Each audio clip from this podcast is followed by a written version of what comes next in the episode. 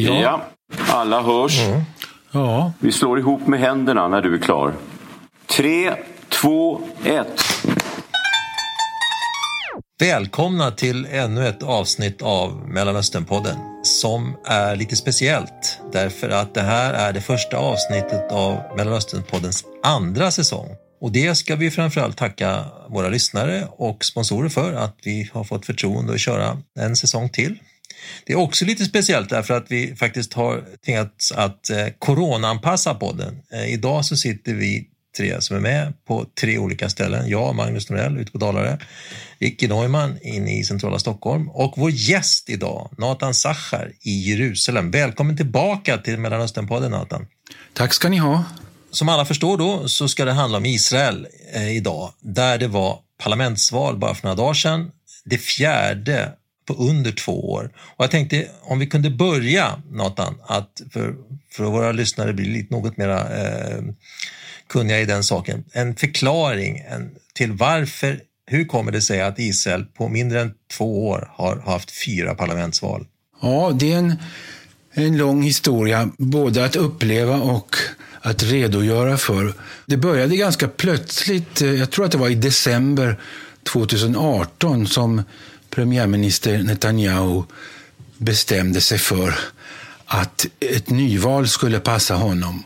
Och eh, han resonerade som så att om han gjorde ett bra val och fick en ordentlig majoritet för sitt läger så skulle riksåklagaren och de andra instanser som skulle eventuellt åtala honom för korruption de skulle ta ett steg tillbaka och inse att det här blir svårt med en sån en massiv majoritet för, för Netanyahu. Nu gick det inte som han hade väntat sig utan vi hamnade i ett, i ett dödläge. Och sen så har det här nu repeterats tre gånger till. Att Netanyahu har satsat på val. Han har, han har, han har eh, antingen beslutat själv eller också eh, Eh, med sin taktiska skicklighet manövrerat politiken så att ett val blir oundvikligt. Och nu sist i december 2020 så bestämde han mer eller mindre själv att nu, nu, nu tar vi chansen för att nu är det många, mycket som pekar på att, att det här ska äntligen lyckas. Vaccineringarna i Israel och, och en del, del andra saker. De, mm ni vet, med de här nya relationerna till diverse arabstater som Netanyahu framställer som ett stort lyft för Israel. Men om vi tittar på valkampanjen och om vi tittar på valresultatet so far. Är det någonting som verkligen har förvånat dig? Jag trodde att Netanyahu skulle lyckas skrapa ihop 61 mandat i Knesset, det som han behöver för, för att upprätta en, en minimal Eh, koalition. Jag, jag trodde att det här med den massiva vaccineringen mot bakgrund av eh, vaccineringsfiaskorna i alla andra länder och eh, den här känslan som nu sedan två, tre veckor råder i Israel att, att nu kommer vi ut i ljuset igen efter att ha suttit instängda och, och gömt oss i över ett år. Jag trodde att de stämningarna skulle prägla valet till den grad att Netanyahu skulle få som han ville. Men eh, nej. Hur ska man tolka att det inte blev på det sättet? Det här är svårt, därför det finns inga experter på det här, varken jag eller någon annan. Det en sak som har hänt som är mycket viktig är att de israeliska arabernas stora enhetsparti som bestod av fyra partier att det först sprack upp i olika delar och sen att den ena halvan som bestod nu av tre partier, att den kraschade för att de israeliska araberna, de har tröttnat på val och de har tröttnat på att, att deras partier och deras politiker aldrig är med i några regeringar. Men skulle inte du säga att den här gången så har man i alla fall fått intryck av att det har funnits mera acceptans för de arabiska partierna? De har blivit uppvaktade mer än tidigare, eller är det en överdrift? Nej, det är alldeles riktigt och det är paradoxen i det här nu som sker när alla rusar för att försöka pussla ihop en, en regering i och med sin charmoffensiv i den arabiska sektorn, som vi säger här, så har Netanyahu nu eh, legitimerat detta att man regerar, att man kan och får regera med arabers hjälp och till och med med hjälp av islamister. Alltså de här som nu har fått mm. vågmästarrollen, det här partiet eller Muwahada, eller Ram som kallas i Israel. De har bara fyra mandat och de är ett parti vars politiker säger att Hamas är ingen terrororganisation. Det är alltså sånt som får israeliska nationalister att se rött. Men, men nu har de i sin hand utslaget. Det är mycket dramatiskt att tänka sig i en judisk stat att nationalistlägret måste ha islamister för att kunna bilda regering. Är inte det lite också ett ganska klart tecken på att, att det blir oerhört svårt för eh, Netanyahu att sy ihop det här i det här spelet som nu pågår, att det finns en klar risk möjlighet, chans att det faktiskt till och med blir ett femte val. Eftersom får man inte ihop regeringen inom vad är det, fyra veckor så blir det ju automatiskt nyval, eller hur? Bägge halvorna, alltså dels Netanyahu-lägret som har nu det rena Netanyahu-lägret som har, tror jag, 52 av 120 mm, mandat och det andra lägret, anti-Netanyahu-lägret, som är något större. Bägge de måste bestämma sig för om de ska försöka regera med hjälp av islamister eller inte. Jag tror knappast att det kommer att gå, men, men det är ingen tvekan om att Netanyahu vill. Och eh, han hade visserligen sagt eh, så sent som i förrgår under valkvällen att det kommer inte på fråga att regera med islamister som, eh, som förnekar Israels rätt att existera. Eh, men så fort resultatet började avteckna sig eh, så signalerade han att han kunde tänka sig det och då kom det ett ramaskri från andra delar av hans parti och från andra partier i nationalistlägret. Så det här är en, en het potatis. Och den här diskussionen då, som ju naturligtvis kommer att pågå ett tag, och när vi sänder det här så har den väl knappast blivit avgjord än. Det är ju det här tanken att eh, anti-Netanyahu-sidan så att säga kan samla ihop 61 röster och när parlamentet öppnar igen så kan man eh, rösta fram en lag som gör det förbjudet för en parlamentsledamot, inklusive premiärministern, som är åtalad att bli vald som ett sätt att bli av med Netanyahu då. Och det skulle då öppna upp nya koalitionsmöjligheter. Den, den frågan var ju uppe redan innan valet. Men vad tror du om, om, det, om det scenariet. Ja, det är verkligen dramatiskt nu därför att för att få till stånd en sån lag som du beskriver så måste man först ha kommit över talmansposten. Och idag så är talmannen en av Netanyahus allra trognaste. Om alla de andra, inklusive islamisterna, går med på att avsätta Jair Levin och ersätta honom med en annan politiker. Då får vi en ny talman och först då kan det bli eh, allvar av, av de här planerna att, så att säga, svartlista Netanyahu såsom åtalad. Eh, men eh, Netanyahu vet ju naturligtvis det och det är därför som han så förtvivlat gärna skulle vilja fresta och locka islamisterna åt sitt håll. I höstas så släppte människorättsorganisationen Betsalem en uppmärksammad rapport som betecknade Israel som en apartheidstat även om man då märkligt nog inkluderade Västbanken. Och då undrar jag Nathan, om du så att säga, skulle bara prata om det egentliga Israel, skulle du säga att den beteckningen är korrekt? Kan man prata om att Israel, det egentliga Israel är en apartheidstat? Eller är detta en kraftfull överdrift? Jag har stor sympati för den här organisationen som gör ett jättearbete på de ockuperade områdena, men jag tycker att det var ett misstag och det var vilseledande att kalla Israel för en apartheidstat. Därför att i en apartheidstat så skulle det ju aldrig ske det som sker nu här. Att araberna står i centrum för, för regeringsbildningen och för politiska taktiken. Det är sant att det finns en massa eh, diskrimination och en massa ledsamheter som israeliska araber måste stå ut med. Men eh, det är ljushår från från det som hände i Sydafrika under apartheid. Så det, jag tror att man... Eh, det, var en mycket uppmärksammad rapport och det, och det som då väckte uppseende det var att man så att säga, satte likhetstecken mellan ockupationen och de israeliska arabernas vardag. Och det, det är som sagt en mycket stor överdrift.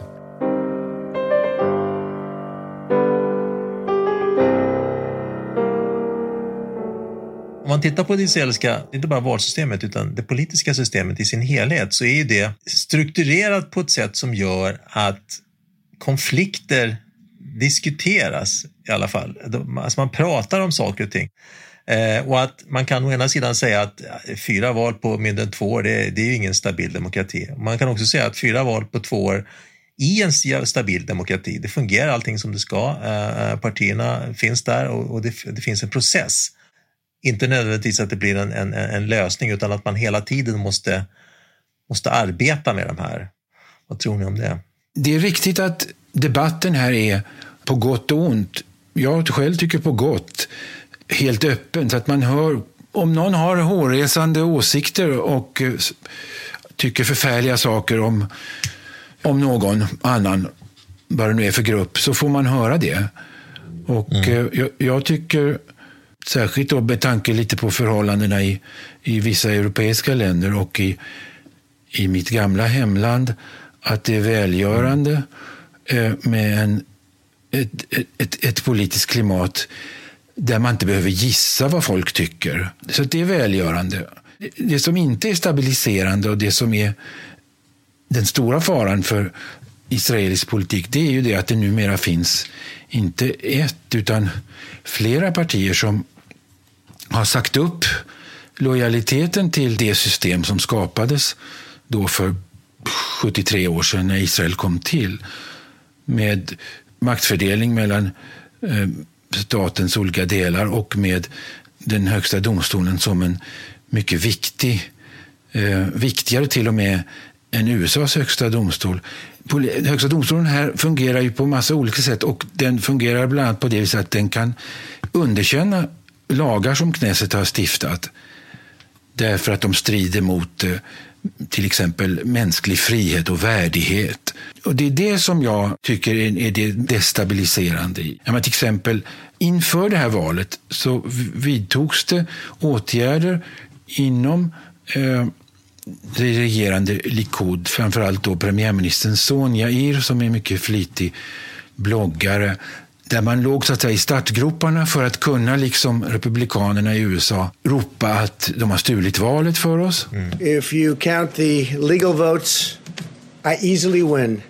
If you count the illegal votes, they can try to steal the election from us. Så att allt det där de första prognoserna, det där kom av sig lite för att i de första vallokalsprognoserna så såg det ut som om Netanyahu hade klarat skivan och att, att han låg på 61 mandat.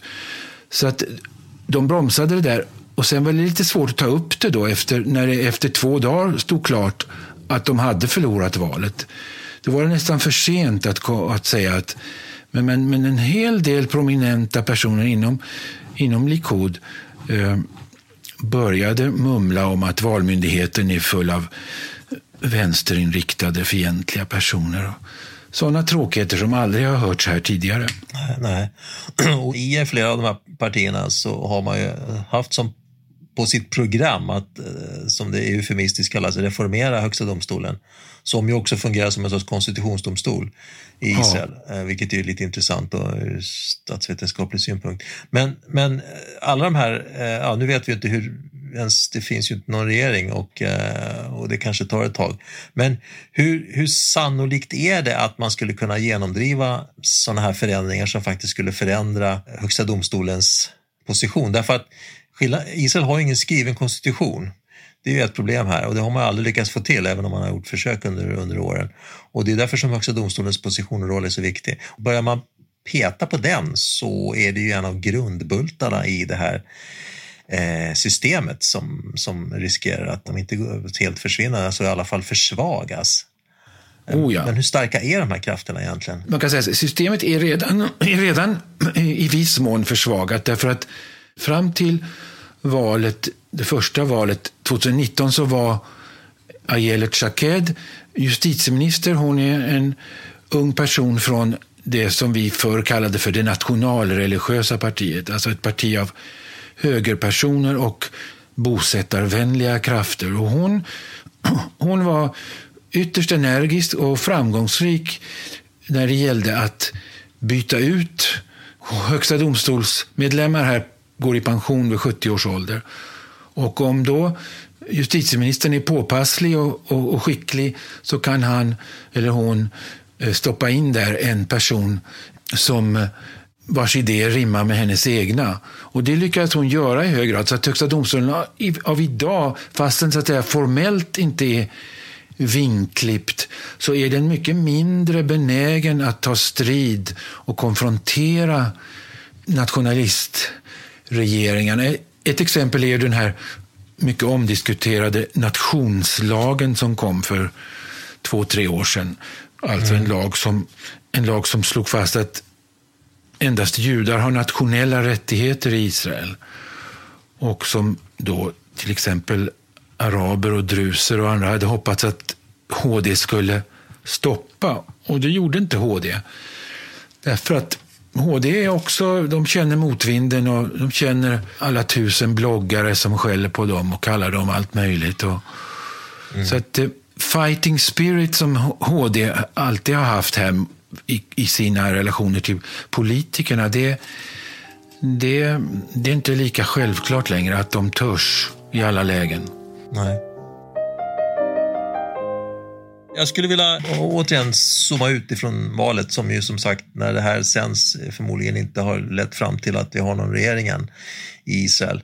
Eh, och titta lite på den ökande, eh, både araber, israeliska araber och eh, sefardiska judar har ju fått mer att säga till om, och det märks mer i det israeliska samhället. Och hur det då kan ha påverkat Israel, eller kan påverka Israels roll regionalt.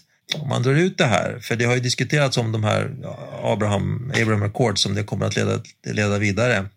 Och det, det, det, kan det väl tänkas göra. Och att det kommer att prägla den israeliska politiken alldeles oavsett vem som bildar regering. Alltså det, det finns en struktur här, det finns en eh, problem och konflikter i regionen som oavsett vem som sitter som premiärminister inte kommer undan.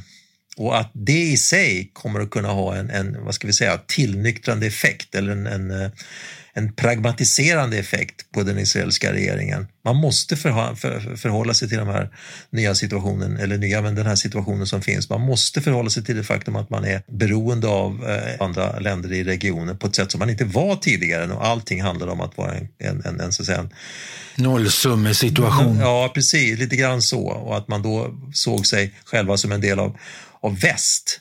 Nu är man i ännu väldigt hög, mycket högre grad en del av den region man faktiskt är en del av och att det kommer att påverka Israel framöver. Jo, det tror jag och hoppas också.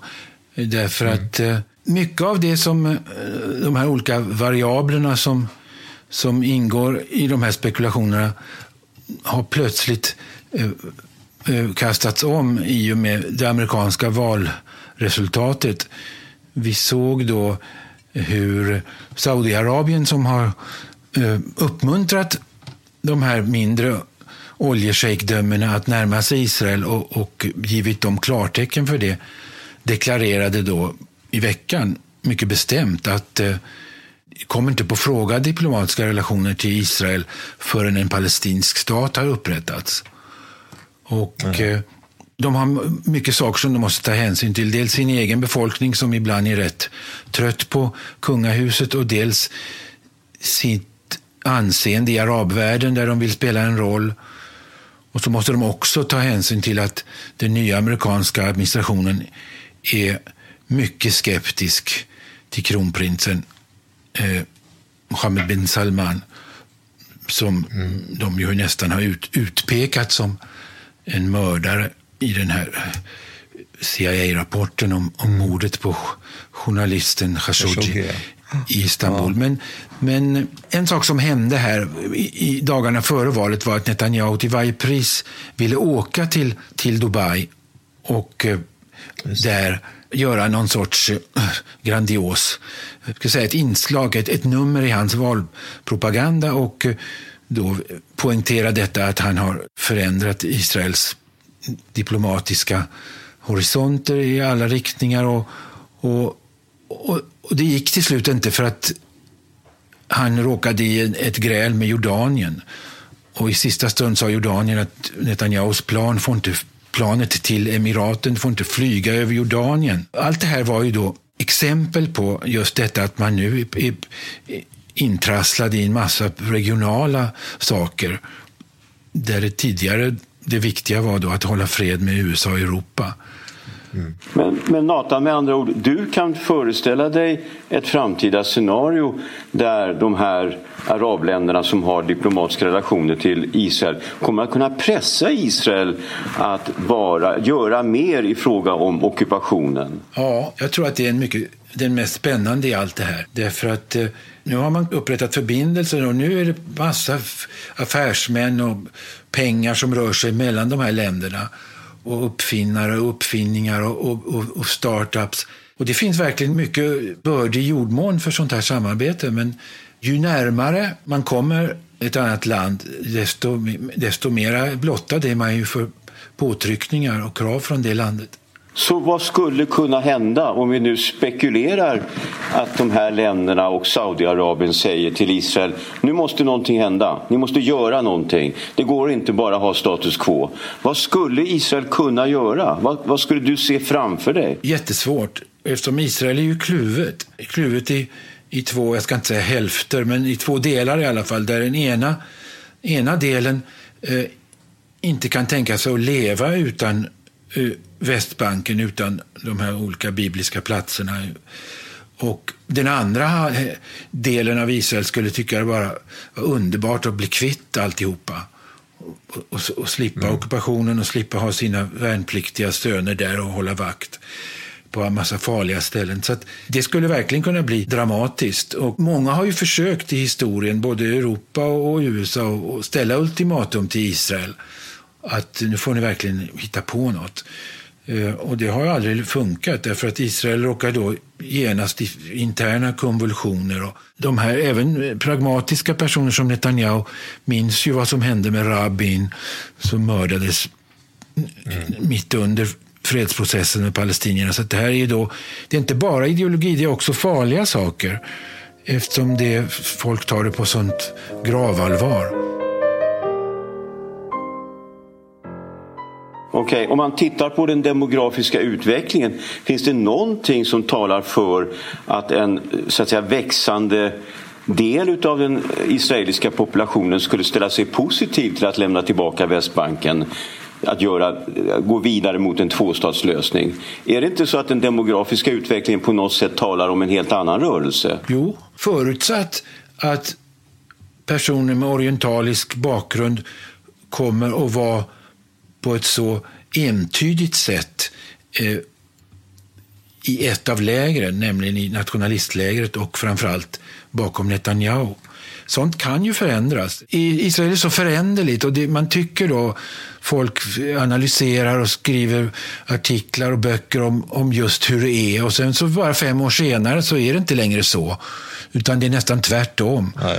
Och, och mm. det, det, det, är ju, det är ju en, man om vi jämför med det relativt stabila både åsikts och partibilden i Sverige så är det här eh, mycket mer flytande och dynamiskt. och det är ju på gott och ont vad folk för tillfället tycker och, vad de skulle vara beredda att gå med på. Mm. Men det, det, det, är ju en integrerad del av det israeliska politiska systemet, den här att det fluktuerar att det finns ju inget parti egentligen som inte är en koalition av, av flera små partier. Så har det sett ut sedan, dag ett.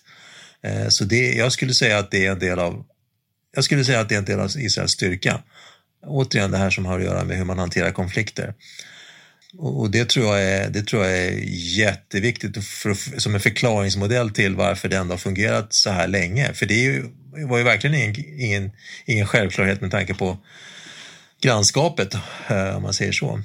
Men för att också säkerhetspolitiskt då så är det ju så att, att Israel allt mer egentligen eh, har ett, ett, ett, allt djupare säkerhetspolitiskt samarbete med länder i regionen där, där Iran ses som den stora fienden och ingen annan.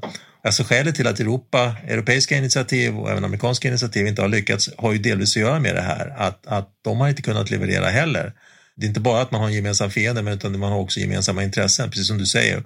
Och ju, ju, ju mer banden knyts, ju, ju, stabilare blir nog det här.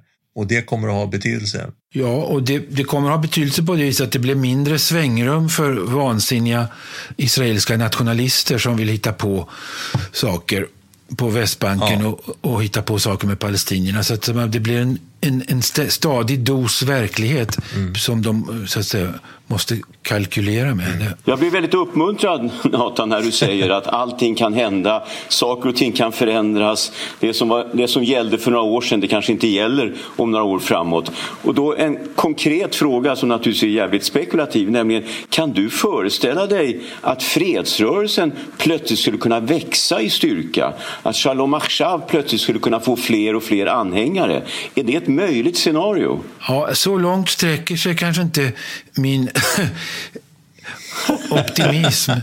Det, det, det vore verkligen spektakulärt. Men menar, det tog bara, det tog inte mer än ett par decennier för det vi kallar för fredsrörelsen att från att ha varit, omfattat ungefär hälften av alla israeler nu omfattar, om vi räknar med araberna, så kanske bara 20-25 procent av judarna. Och, eh, men jag tror, jag tror att det, jag tror att det Även, även det kan förändras. Men, men du säger fredsrörelse. Eh, eh, tänker du då på de som är för en tvåstatslösning eller vad, vilka, vilka inbegriper du i den definitionen? Ja, de som menar att de ockuperade områdena i princip är förhandlingsbara. Det har ju funnits kreativa lösningar.